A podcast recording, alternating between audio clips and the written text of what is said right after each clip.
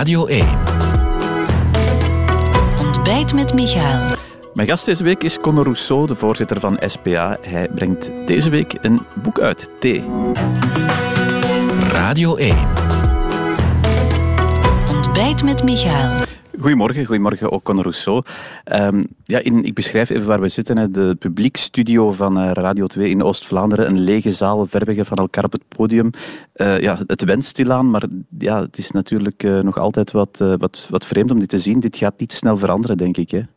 Goedemorgen. Um, nee, dat zal de eerste weken en maand niet, niet veranderen helaas. Maar dat is ook de reden dat we direct een doel, het doel om de regels te volgen uh, nu en, uh, en, en, zo goed te handhaven, dat is om die zaal op termijn toch te kunnen vullen natuurlijk. En ook de eventsector, de cultuursector, noem maar op om terug uh, zo snel mogelijk naar uh, een iets of van normaal leven te gaan. Ja, want u hebt met uh, Frank van den Broeke, de minister die mee aan zet is en die al die beslissingen neemt. We staan net voor die kerstperiode. Volgende week vrijdag is er denk ik opnieuw een overlegcomité, maar versoepelingen, we hebben dat in het nieuws ook net gehoord. De cijfers zitten op een plateau. Echt geweldig is dat niet. Versoepelingen zullen er niet snel komen.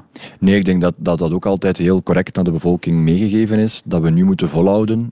om het beste kerstcadeau dat we onszelf kunnen geven, dat is 2021 starten met zo weinig mogelijk besmettingen. Zodat we terug perspectief hebben op, uh, op die sportclubs, op, uh, op die jeugdverenigingen, op, uh, op events, zeg maar. Hè. Daar moeten we perspectief naartoe werken. En, en dat, is, dat is de reden waarom dat we nu massaal moeten volhouden. Ja, maar is dat realistisch om dat voor te houden? Hè? Want, want goed, de vaccinaties komen eraan. maar ja, die cijfers, dat zien we ook in alle andere landen. Dat, dat, moet niet veel gebeuren of die, die vliegen weer omhoog. Ja, is dat eigenlijk dan realistisch om, om versoepelingen voor te houden? Wel, op termijn gaan, gaan we sowieso moeten versoepelen. Um, we, we, we, hebben verschillende strategieën. Eén, we kunnen zelf heel veel doen, ons aan de regels houden, zorgen dat die besmettingen niet toenemen. Dat is één. Twee, uh, we gaan sneltesten komen. We, kunnen, we gaan zien op termijn hoe dat kan geïmplementeerd worden om dingen, delen van het leven terug te openen. En drie, ja, waar we toch allemaal veel van verwachten, dat zijn die vaccins natuurlijk, die, die, die stap voor stap zullen uitgerold worden. Maar die vaccinatiestrategie moet er wel in bestaan om het leven zo snel mogelijk op een veilige manier natuurlijk terug te kunnen openen. En dus op een bepaald moment gaan we een deel van de mensen gevaccineerd hebben en dan gaan we, uh, gaan we terug wel een groot deel van het leven moeten kunnen openen. Dat moet alleszins de insteek zijn van heel de operatie. Ja, natuurlijk, het is ook duidelijk dat niet iedereen meteen zal gevaccineerd worden. Dat, dat wordt nu uitgerold, dat zal vanaf 5 januari uh, gebeuren. Uh, ja, velen zeggen ook, of, of sommigen zeggen toch ook van... Tegen de zomer of pas na de zomer zal iedereen gevaccineerd zijn. Ja, dan zal het wellicht ook pas na de zomer zijn dat dat allemaal weer normaler kan. Of ziet u dat anders dan? Goh, er zijn misschien mensen die, die pleiten dat we pas terug naar, naar een, iets of wat normaal leven kunnen gaan wanneer, uh, wanneer iedereen gevaccineerd is. Um, ik denk dat het op een bepaald moment belangrijk is om goed in het achterhoofd te houden waarom we deze maatregelen nemen. Voor de gezondheid van de mensen, maar toch ook om het zorgsysteem niet te doen imploderen. We weten ongeveer welke mensen er echt uh, nood hebben aan dat zorgsysteem, die echt kwetsbaar zijn door het virus. Dat is, dat een bepaalde groep. Ja, ik denk dat op een bepaald moment, wanneer uh, die, zorg, die zorggroep, mensen in de zorgsector, uh, die kwetsbare groep gevaccineerd is, dan moeten we wel op een gecontroleerde manier natuurlijk, op een veilige manier, het leven terug kunnen openen.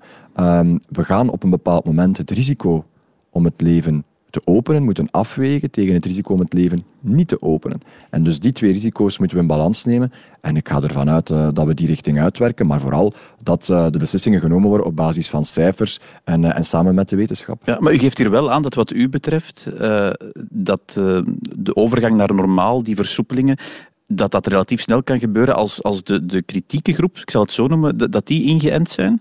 Maar relatief snel is een, is, een, is, een, mm -hmm. is een begrip dat u gebruikt. Ja, ik, ik bedoel dan voor, voor, voor, het najaar volgend jaar bijvoorbeeld, als iedereen ja. Ja, we hebben, we, kijk, we hebben na de eerste lockdown hebben we stevige maatregelen genomen, we hebben die volgehouden, we hebben versoepeld. We hebben misschien te veel versoepeld, we zijn daar niet goed mee om geweest, we hebben te laat terug ingegrepen, maar er was wel een, een deftige versoepeling. Toen was er nog geen vaccin. Ik ga ervan uit dat wanneer we natuurlijk die kritieke groep kunnen veiligstellen, kunnen beschermen, en wanneer we goed met dat vaccin omgaan, want dat vaccin uh, werkt op... Niet alle vaccins werken mm -hmm. hetzelfde, dat we die goed inzetten op de juiste doelgroepen, uh, dat we dan wel daarmee kunnen leven.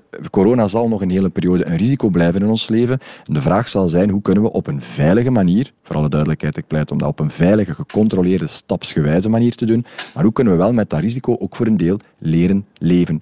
Want wachten tot het weggaat, ja, dat, dat, zal, dat is helaas geen juiste strategie, denk ik. Ik denk dat we ermee zullen moeten leren omgaan. Maar nu eerst en vooral die besmettingen laag krijgen en, uh, en, en zien dat die vaccinatie goed wordt uitgerold. Ja, maar wat u zegt is natuurlijk ja, toch, een, toch een, een soort uh, visie. En ik neem aan dat, dat u uh, ook spreekt voor uw minister van Volksgezondheid. Maar ik spreek voor mijn partij, dus ja. zal voor zichzelf dus, spreken. Ja, maar want, want het is natuurlijk ook een beetje de filosofie, denk ik, van, van de federale regering. Van daar ook te zeggen, we gaan het allemaal niet snel doen. Het is toch vaak gevallen, het zal pas in het, vroegste zomer, najaar zijn dat iedereen gevaccineerd is. U zegt voor alle duidelijkheid, uh, het is eigenlijk vooral het punt van, van, van die uh, groep die veel risico heeft om, om die in te enten. We weten natuurlijk ook dat, dat jonge mensen, ook gezonde, kerngezonde mensen, ook ziek kunnen worden. Wat dan met hen? Natuurlijk, ik heb ook niet gezegd dat we alle, alle remmen los moeten gooien. Maar we moeten wel, um, zeker als het over jonge mensen gaat, ik krijg elke dag enorm veel getuigenissen van mensen die, uh, die het, uh, het water aan de lippen staat, jonge mensen die het niet meer zien zitten. Uh, dat moet ook in rekening gebracht worden natuurlijk. Dus ik denk dat we de risico's gaan moeten afwegen op een bepaald moment, maar ervan uitgaan dat we sowieso maar naar een, naar een versoepelingen kunnen gaan. Wanneer iedereen gevaccineerd is, ja, daar ben ik het niet mee eens. Nee, het is onmogelijk allicht te doen, maar ik ga toch vragen, wat, wat denkt u dan van timing? Maar daar ga ik geen uitspraken over doen, want we mogen geen valse hoop geven. En de minister zal, uh, die is daar bevoegd voor, die zal communiceren en met de regering wanneer die, die vaccinatie uitgerold wordt en, en hoe die timing zit. We moeten daar ook heel voorzichtig in zijn, uh, want mensen stellen daar heel veel hoop in. Uh, we moeten die hoop niet aanwakkeren. We moeten heel eerlijk zijn wat er is. Er komen vaccins aan, er komen goede vaccins aan, betrouwbare vaccins aan. En die gaan we zo goed mogelijk en zo snel mogelijk uitrollen. Maar nogmaals, het belangrijkste voor mij is dat we nu die besmettingen laag houden, zodat we ervoor zorgen dat die druk op onze ziekenhuizen, die druk op ons zorgsysteem, dat die terug werkbaar wordt en dat we ook andere zorg terug kunnen toedienen. Maar dat is het belangrijkste nu. En als dat gepaard gaat met snelteststrategieën, als dat gepaard gaat met vaccinatie van een kritieke groep, ja, dan denk ik moeten we wel uh, moeten we op een bepaald moment op een veilige manier kunnen zeggen hoe kunnen we die risico's tegen elkaar afwegen en hoe kunnen we ook de mensen terug perspectief geven om uh, ja, om die regels te blijven volhouden. Want regels hebben alleen maar nut als ze nageleefd worden, hebben alleen maar nut als, als men ze kan volhouden. En ik ben er echt van overtuigd dat heel veel mensen ook in de kerstvakantie die regels gaan volgen. Mm -hmm. Maar we moeten wel perspectief hebben waarom men ze volgt. Dat is een duidelijke boodschap. Uh, door die omstandigheden uh, zal uw boekvoorstelling, want dat ligt u daar voor u, dat komt er deze week aan. Uw boek, ja, een boekvoorstelling zal er niet zijn. Hè? Het is zonder boekvoorstelling, maar het is dinsdag ligt hij in de winkels. Ja, T staat er op de voorkant. T refereert ook aan, aan iemand. Hè? Aan wie? Ja, het is de letter T. Hè? Uh, de, het initiaal is initiaal van, uh, van een, eh, een kindje bij ons op kamp. Uh, dus het boek vertelt eigenlijk het verhaal van waarom ik aan politiek doe, van waar mijn sociaal engagement komt. En mijn sociaal engagement komt eigenlijk voor een groot deel uh, van op de kampen die we aan zee organiseerden met Youths in Nieuwpoort. Uh, en T was, was een kindje dat vanuit de bijzondere jeugdzorg bij ons terecht kwam. Via zijn instelling en waar we heel veel plezier mee gemaakt hebben, maar die op zijn twaalf jaar de strijd verloren is tegen kanker.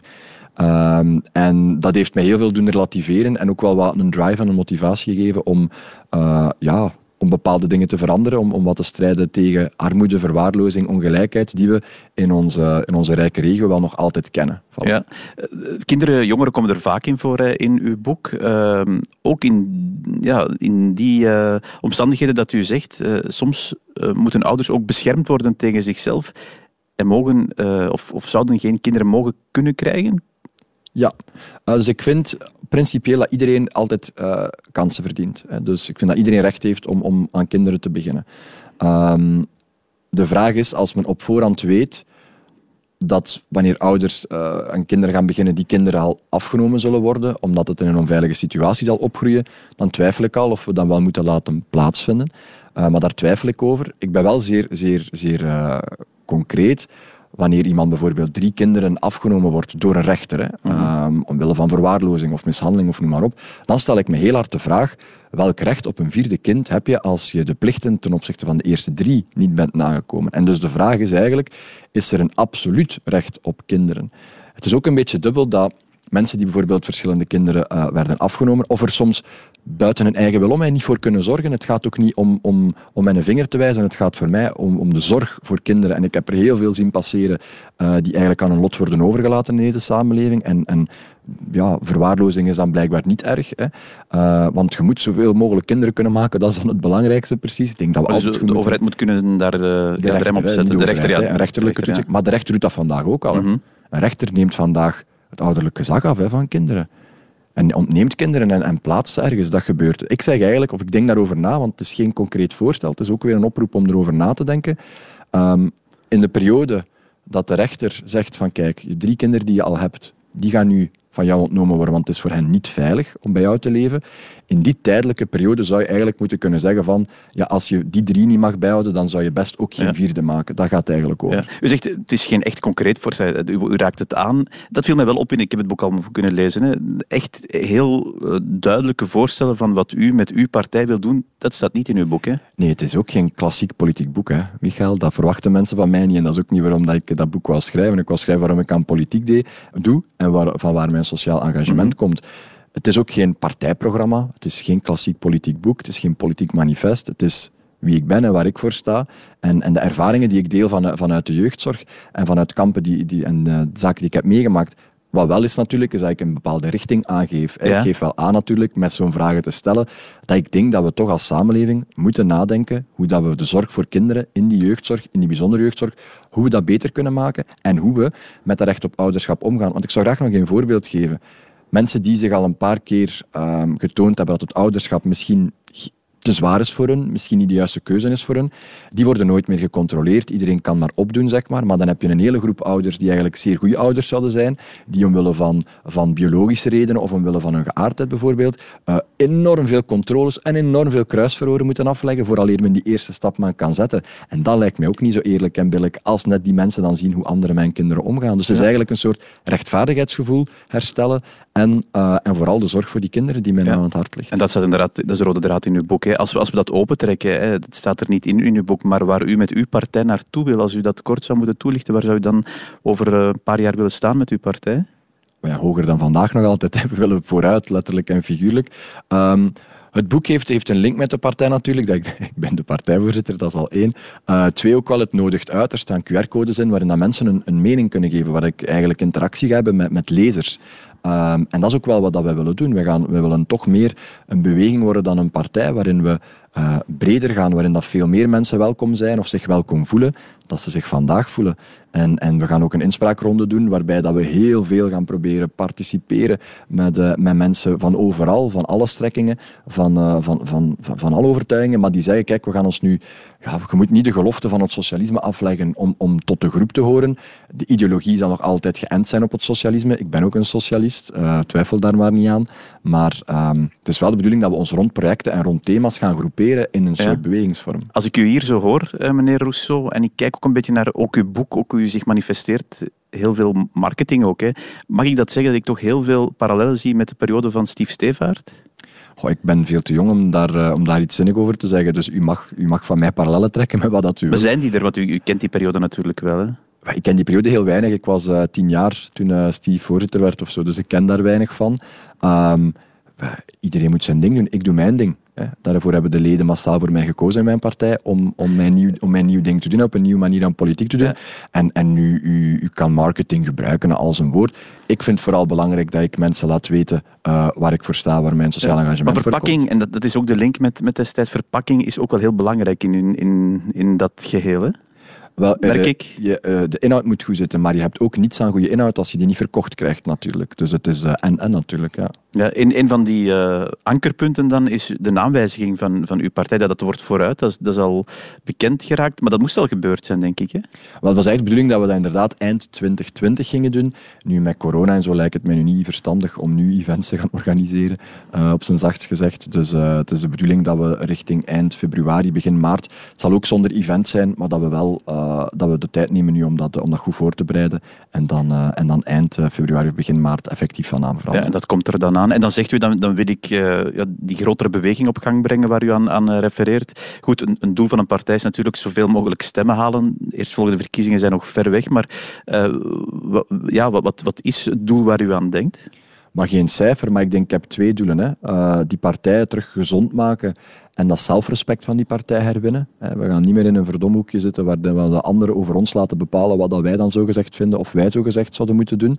Uh, we gaan terug, terug uh, ja, strijdvaardiger zijn, dat vuur terug in die machine krijgen, dat is wel zo.